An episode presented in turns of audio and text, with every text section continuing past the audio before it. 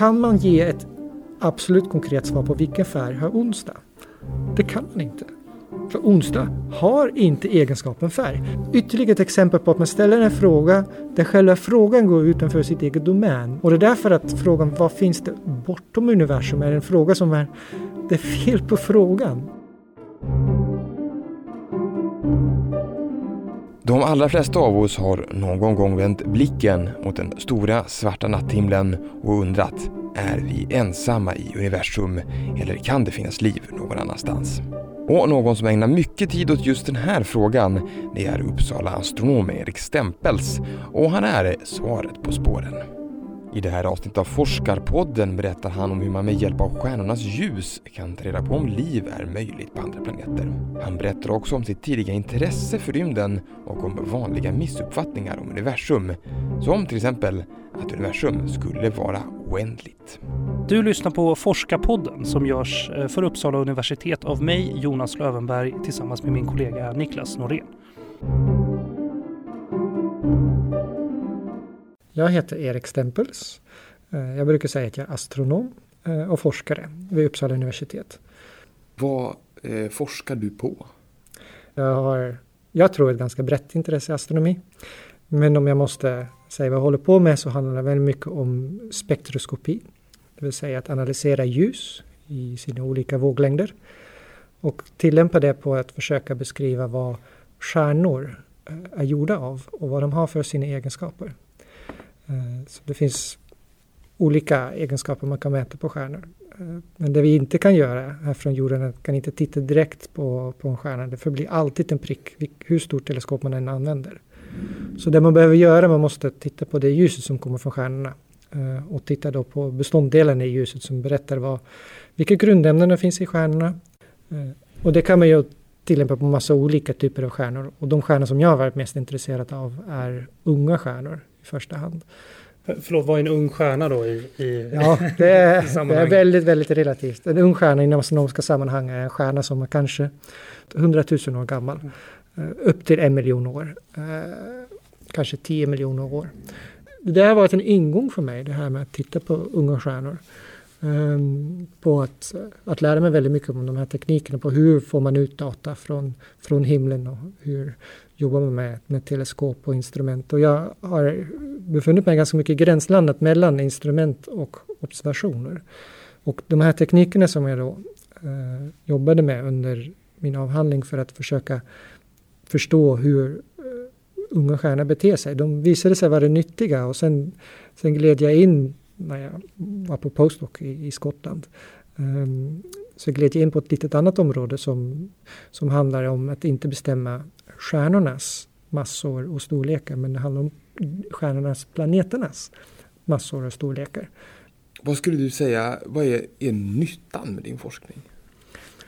Astronomi är ju inte direkt en uh, tillämpad forskning. Uh, det är många som tycker att tillämpad forskning då är den nyttiga forskningen. Och vad menar vi med tillämpad ja, forskning? Det som, som löser vardagsproblem, direkta vardagsproblem som hur gör jag hur gör det, kan jag göra att jag kan odla mer mat på samma yta eller något sånt här.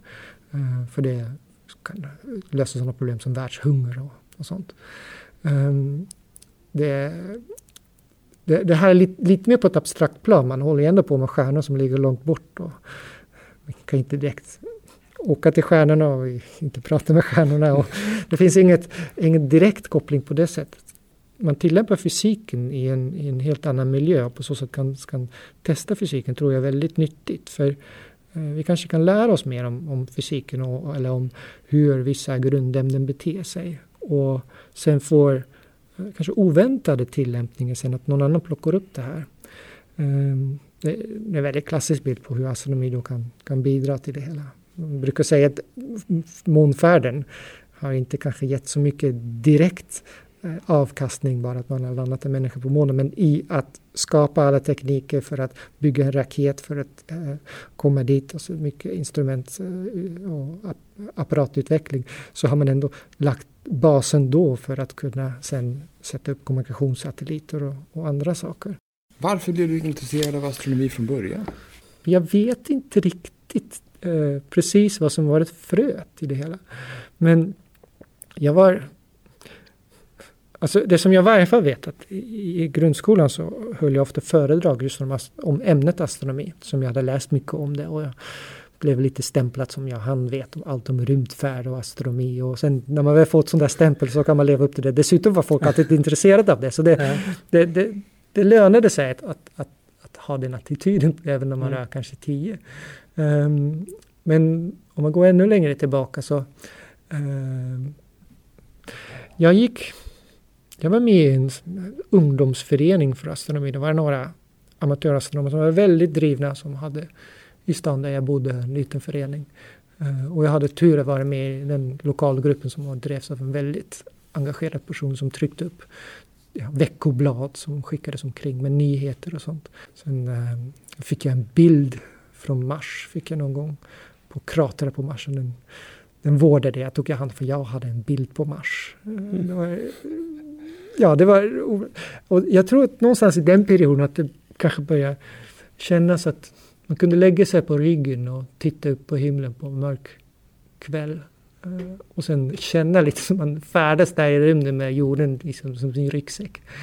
Och ja, det måste ha varit någonstans vid tio års ålder. Att, att, mm. det, att det börjar kännas att ja, det här är något stort och vi är bara passagerare på den här planeten. Och, att man relativerar sin egen plats. Ja. Är det liksom upptäckten av det här enorma okända som lockar och driver eller vad? Det? Ja, jag, jag, tror att det är mycket. Det är dels, dels det. Sen för min del tror jag också att ja, det är väldigt roligt att visa att man kan att man har en, en viss utmaning. Men jag vill, jag vill mäta det här. Och sen sätter man sig ner och sen börjar man fundera vad behöver jag göra för det? Vad behöver jag för information? Vad behöver jag för instrument? Och sen ja, visa att man kan. Eh, det tror jag också är en slags en utmaning. Att, att vara med på tåget på så sätt.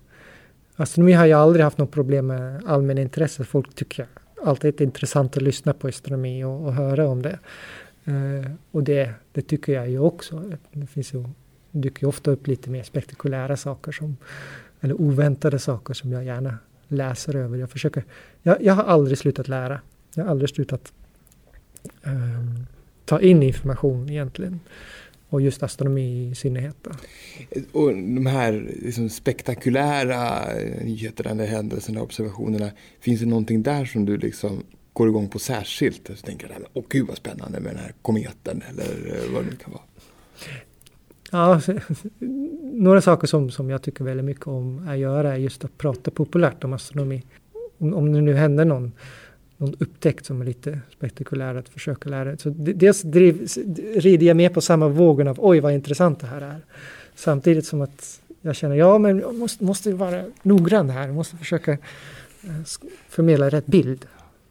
Det är väldigt lätt att, att, att, man, blir, att man drar iväg, att man man har läst eh, science fiction-berättelser på, tror att vissa saker är möjligt som absolut inte är möjliga. Eller att, som också är väldigt vanligt, att Hollywoodfilmer har förmedlat en bild av hur saker är som är långt ifrån san, ja, sanningen. Och, um, då har man en ganska svår uppförsbacke för att få folk att förstå att det inte är så.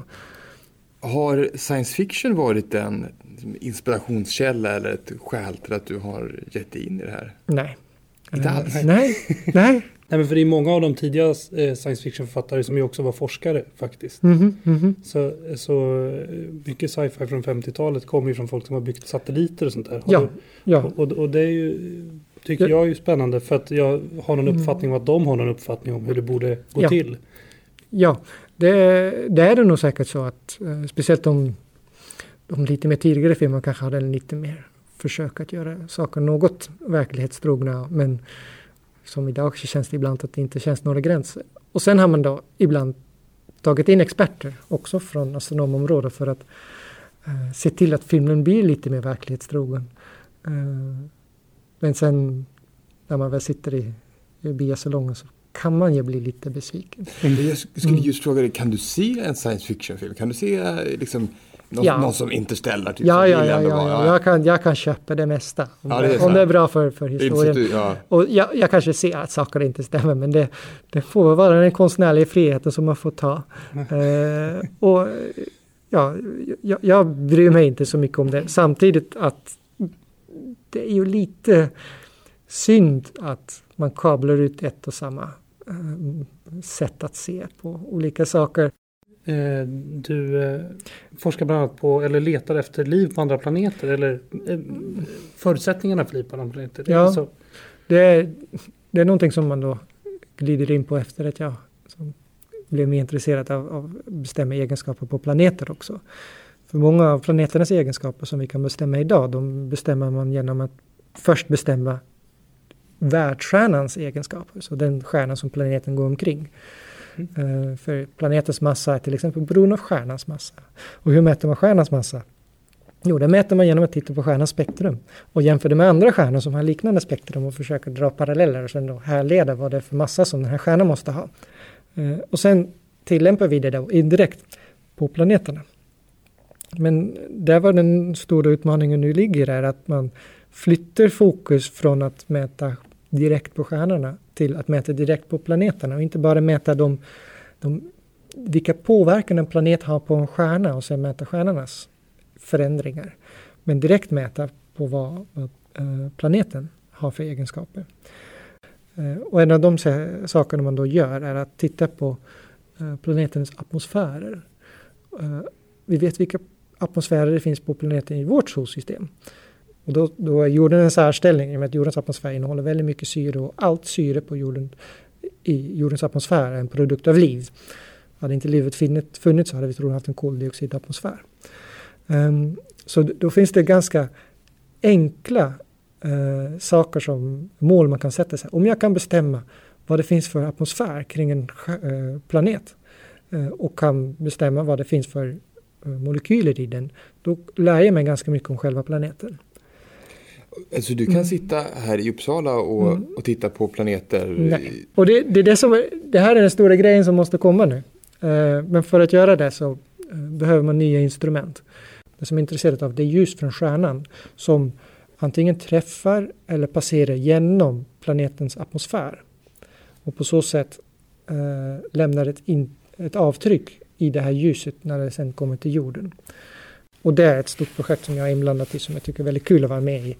Det är just att eh, utveckla ett nytt instrument, alltså det, vidareutveckla ett instrument, kanske bättre att säga. Genom att då vidareutveckla instrumentet med modern teknik, då blir det ett helt nytt instrument som kan mycket mer. Dessutom passar man på då att uh, göra om instrumentet så att det kan täcka större våglängdsområden, kan mäta mer, fler saker på en gång.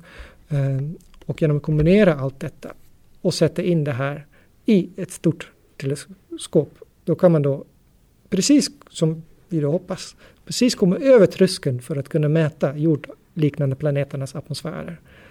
Uh, och då hoppas vi kunna vara först med det. Och då förstår jag, då har ju ni inte haft möjlighet än att hitta några planeter som haft förutsättningar för liv på. Nej, det hade ni nog hört. Ja, jag vet, ja, ja, Men vad, vad, tror du, vad tror du om era möjligheter att göra en sån upptäckt? Att hitta en planet med förutsättningar för liv? Ehm, det handlar ju inte bara om att ha instrument på plats och veta att man kan mäta det. Det handlar också om att man måste ha rätt kandidater. Ehm, för man måste då ha en planet som eh, råkar gå i en sån bana att den går precis framför sin stjärna. Eh, och på så sätt har en bra möjlighet att lämna avtrycket i spektrat genom att absorbera en del av ljuset. Eh, och det gör ju inte alla planeter. Men som tur är så har under de senaste tio åren antalet upptäckta exoplaneter ökat markant. Förlåt, en exoplanet, är det ja. en potentiell? Det är, en exoplanet är en planet som går runt en annan stjärna än solen. Av, de exoplaneter som man har upptäckt Eh, finns ett, eh, ett antal som har rätt förutsättningar att kunna ha en eh, ja, jordliknande planeter som är massor som liknar jorden och kanske storlekar som liknar jorden och därmed densiteter som liknar jorden som gör att de är gjorda av sten. Det finns ett antal kandidater som, som har de här förutsättningarna för att kunna mäta deras atmosfärer. Tror du att det finns ett liv där ute någonstans? Ja, jag, jag är lite skeptisk. Alltså det, det, finns, det finns många olika sätt att resonera. Eh, alltså ett vanligt sätt att resonera, så, universum är så stort, det är oändligt stort, så om det är oändligt stort så finns det oändligt många planeter. Så finns det säkert någon annan som har. Ja, visst, då har du resonerat helt rätt. Om det är oändligt stort så är allt möjligt. Eh, och så finns det säkert en annan planet. Men universum är inte oändligt stort. Alltså, dessutom är den delen av universum vi kan se ännu mindre. Så vi har bara en, eh, en, en liten del, ett begränsat antal stjärnor att ta ställning till. Det finns fler och fler tecken på att det är ganska vanligt med planeter. Eh, och det är en ganska annorlunda uppfattning än det var när jag var liten. När man eh, ibland sa ja men solsystemet är så speciellt, vi har planeter men vi ser inte det runt andra stjärnor. Ja, man hade inte känsligheten för att upptäcka det. Men nu visar det sig att det finns många stjärnor som har planeter. Ehm, så förutsättningen för att ehm, de fysiska förutsättningarna ska finnas någonstans är bättre. Och då hamnar man på nästa del att man måste ha en slags kedja av händelser som måste gå i lås för att liv överhuvudtaget ska kunna uppstå. Ehm, man måste ha rätt fysiska förutsättningar. Vad är det för typ av liv som man betraktar? Existerar det bara liv som det liv som finns på jorden eller är det alldeles för inskränkt att tänka på det? Ehm, och man kastar nätet väldigt brett så.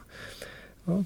Alltså, det är mycket möjligt att det finns eh, något liv på ett annat ställe. Det mest sannolika i så fall skulle vara mikrobiskt liv. Eh, ett avancerat och intelligent liv är ja, det, det, tar tid att utvecklas. Och, eh, människans existensen beroende på massa olika faktorer som har hänt. Alltså, bara att dinosaurier dog ut var en bidragande faktor till att människan som sådan kom upp. Um, så det, många saker måste gå i lås för, för att det ska fungera. Um, men det är därför alltså jag, jag vet inte och jag tror att det beror väldigt mycket på vad vi kommer hit i vår egen bakgård. Uh, som i vårt solsystem. För visst är det väldigt lätt att eh, mäta, väldigt lätt att fantisera över hur det är på planeter långt bort och där man har ganska begränsade observationer. Men vi har ju faktiskt solsystemet i vilket det, man kan skicka son, sonder till de olika planeterna som landar på ytan, som studerar ytan, som studerar fysiken och på så sätt ger oss en massa information hur, hur en planet också kan fungera. Jag måste bara fråga en sak som du sa, att universum inte är oändligt, sa mm. du. Och mm. det är ju en eh, allmän uppfattning att det är, tror jag. Ja, är inte det? det tror jag också. Jag tror också att folk tror att universum är oändligt. Eh, varför är det? Eller? Det är därför att folk därför att det är så stort att det inte går att greppa. Mm. Och då är det lika bra att någonting jättestort, det måste vara lika med oändligt. Men det där är ett jättesteg i själva resonemanget. Att ta någonting som är jättestort och göra det oändligt. För det är ju oändligt mycket större än jättestort. Ja. Um, så det, man kan inte göra så. Och argumentet är egentligen ganska enkelt. För de flesta har ändå hört av Big Bang. Att universum har någonstans börjat någonstans. Och när Big Bang inträffade då hade universum ingen storlek alls. Då var det hur lite som helst. Och sen har den här ja, rymden blivit större och större och större.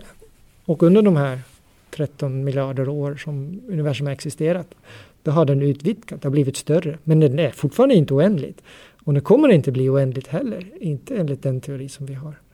Men vad finns bortom universums gräns?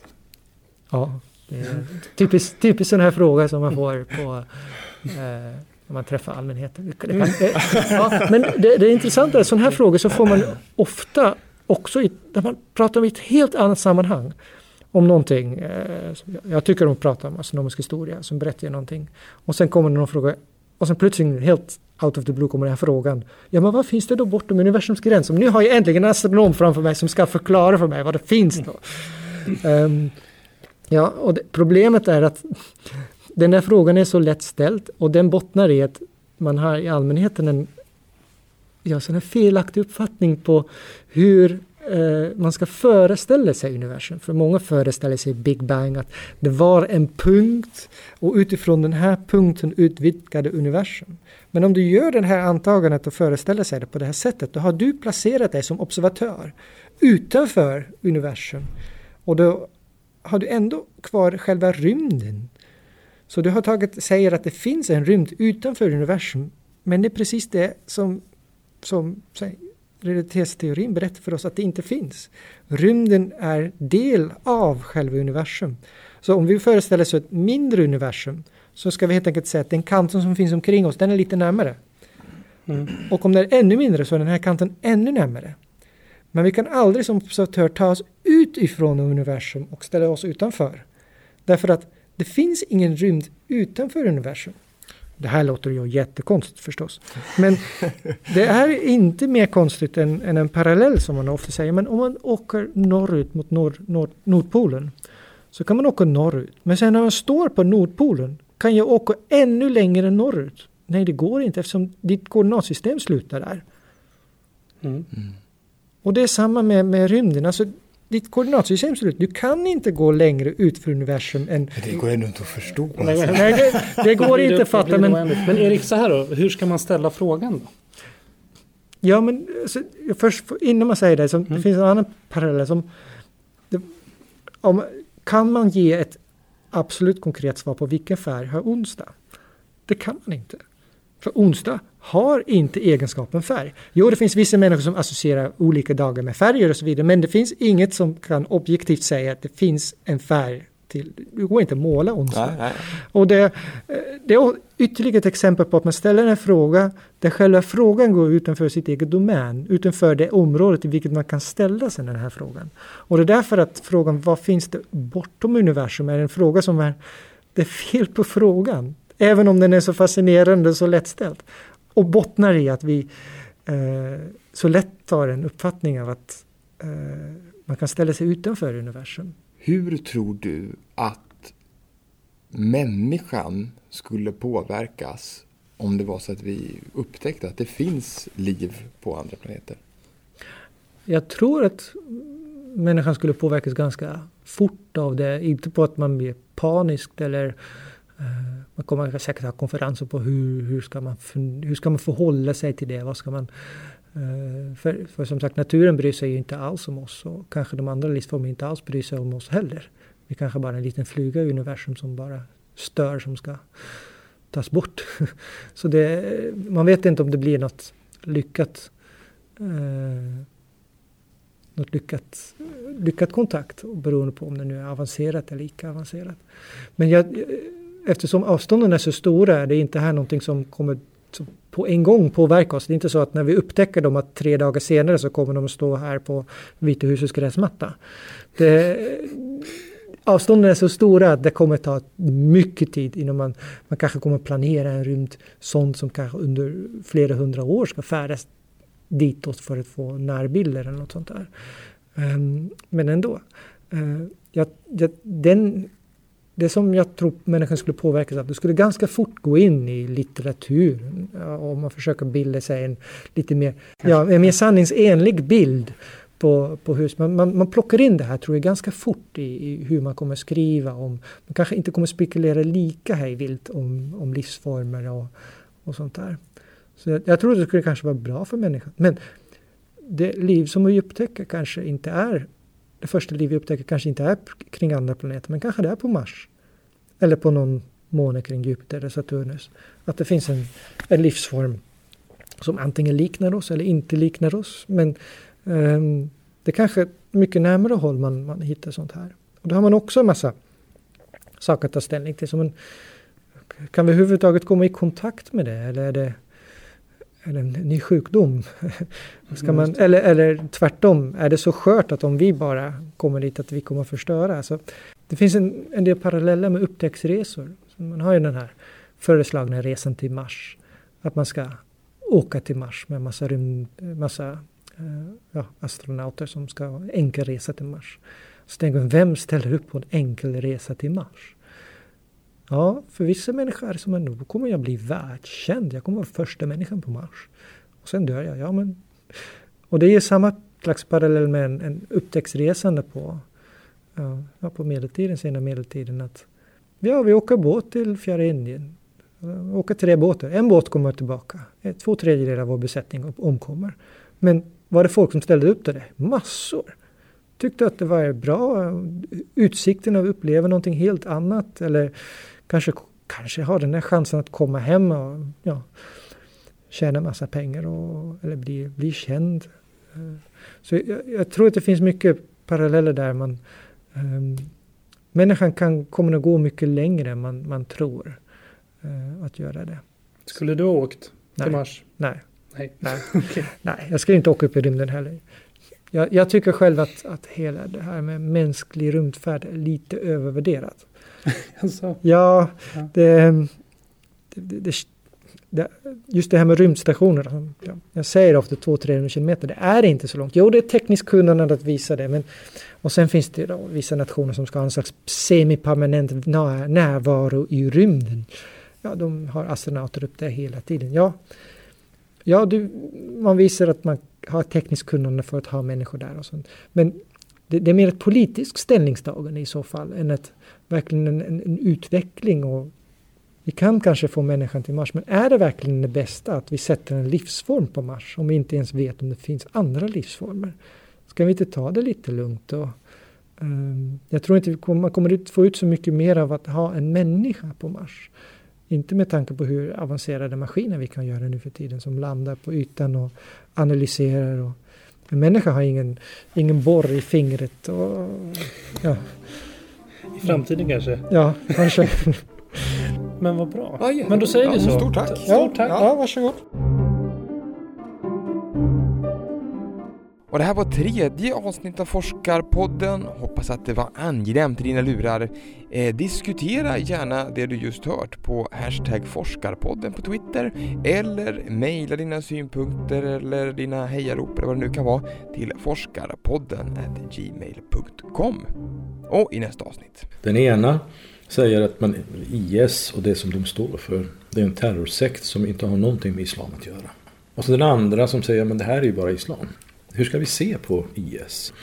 Så jag landar i, i, min, i min kommande bok i, i, i det här att eh, IS och det det står för är uttryck för en tolkningstradition, en väldigt extrem i och för sig, som trots allt finns bland muslimska tänkare.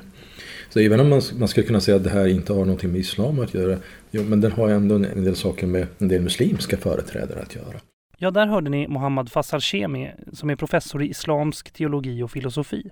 I nästa avsnitt så kommer han berätta om sin forskning på terrorgruppen IS ideologi och om hur det är att få ta emot hat och hot för att man försöker nyansera medias bild av islam. Tills dess, hej så länge. Du har hört Forskarpodden, en produktion av Piggelkott Media för Uppsala universitet med musik av Marcus Sjöblom.